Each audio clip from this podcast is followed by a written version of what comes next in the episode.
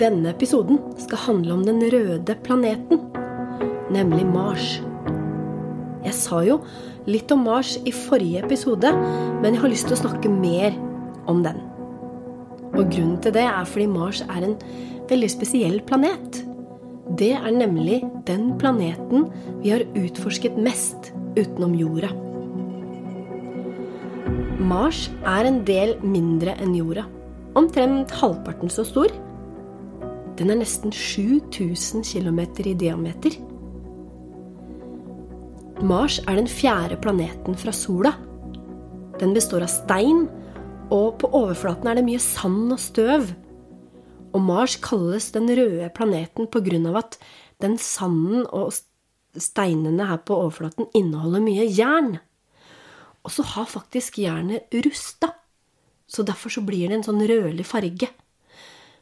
Hvis vi hadde stått på Mars og sett opp mot himmelen, så ville også himmelen sett litt rødlig ut, eller kanskje litt brun, eh, fordi det jernstøvet flyr rundt i atmosfæren på Mars. Hele overflaten på Mars er tørr i dag, bortsett fra at det er litt is på Nord- og Sørpolen. Men det er ikke flytende vann på Mars. Atmosfæren er for tynn til det. Husker du at i en av mine tidligere episoder så snakka jeg om at jordas atmosfære holder på varmen og passer på at det verken er for kaldt eller for varmt? Mars sin atmosfære klarer ikke det. Så flytende vann ville enten fryst eller fordampa. Men forskere mener at det har vært vann på Mars en gang, fordi man kan se spor etter elver og innsjøer. Og de mener at en gang for lenge, lenge siden så ligna Mars på jorda. Og det var kanskje til og med liv på planeten. Det er jo ikke sikkert det var mennesker der, eller dyr, men kanskje det var bakterier eller alger av noe slag. Vi her på jorda har vært så nysgjerrige på akkurat det her at vi flere ganger har sendt sonder og roboter til Mars for å utforske planeten. En sonde er på en måte en liten maskin som kan reise langt av gårde gjennom verdensrommet. Og den er ubemanna. Det betyr at det ikke er noe menneske på den, men at vi styrer den fra jorda.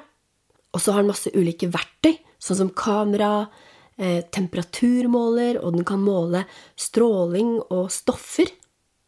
Og så kan den fly, selvfølgelig, og har en liten motor, og kan derfor reise helt fra jorda og langt ut i verdensrommet.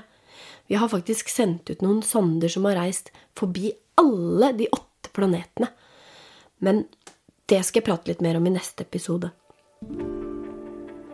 I 1981 ble den første sonden sendt til Mars for å ta bilder av overflaten, og den gikk altså i bane rundt Mars mens den tok bilder.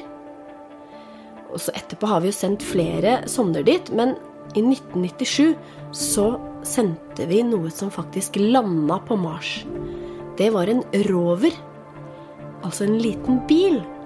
Og den kjørte rundt på overflaten på Mars eh, for å analysere overflaten og steinene der. Og etter det så har vi sendt flere rovere til Mars, og senest i 2020 så landa det en stor rover, så stor som en vanlig bil faktisk, på Mars. Den heter Perseverance og kjører rundt der fortsatt. Den hadde med seg et lite helikopter, eh, eller en drone, da, som har tatt flere flyturer også. Perseverance skal utforske litt dypere ned i bakken og ha med seg noe som heter en georadar. Og den kan måle eh, mange meter ned i bakken hva som faktisk er der. Georadaren på, på den roveren her heter Rimfax og er faktisk lagd her i Norge.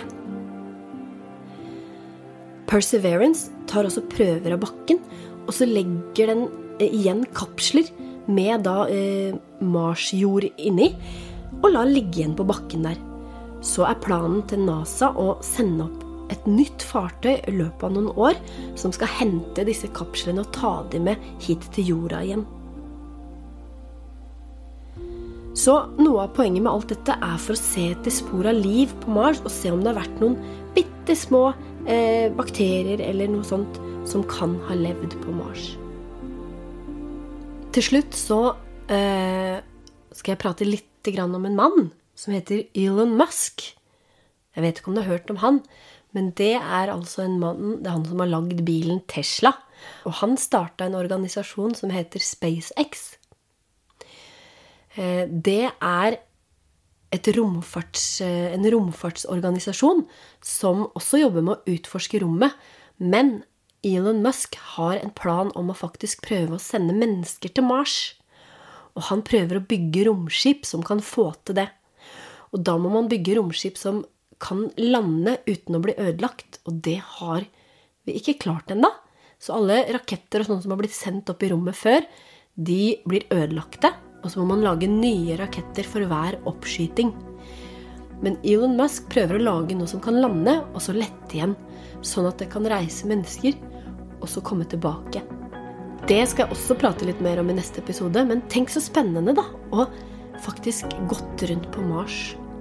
Og gått rundt på en helt annen planet.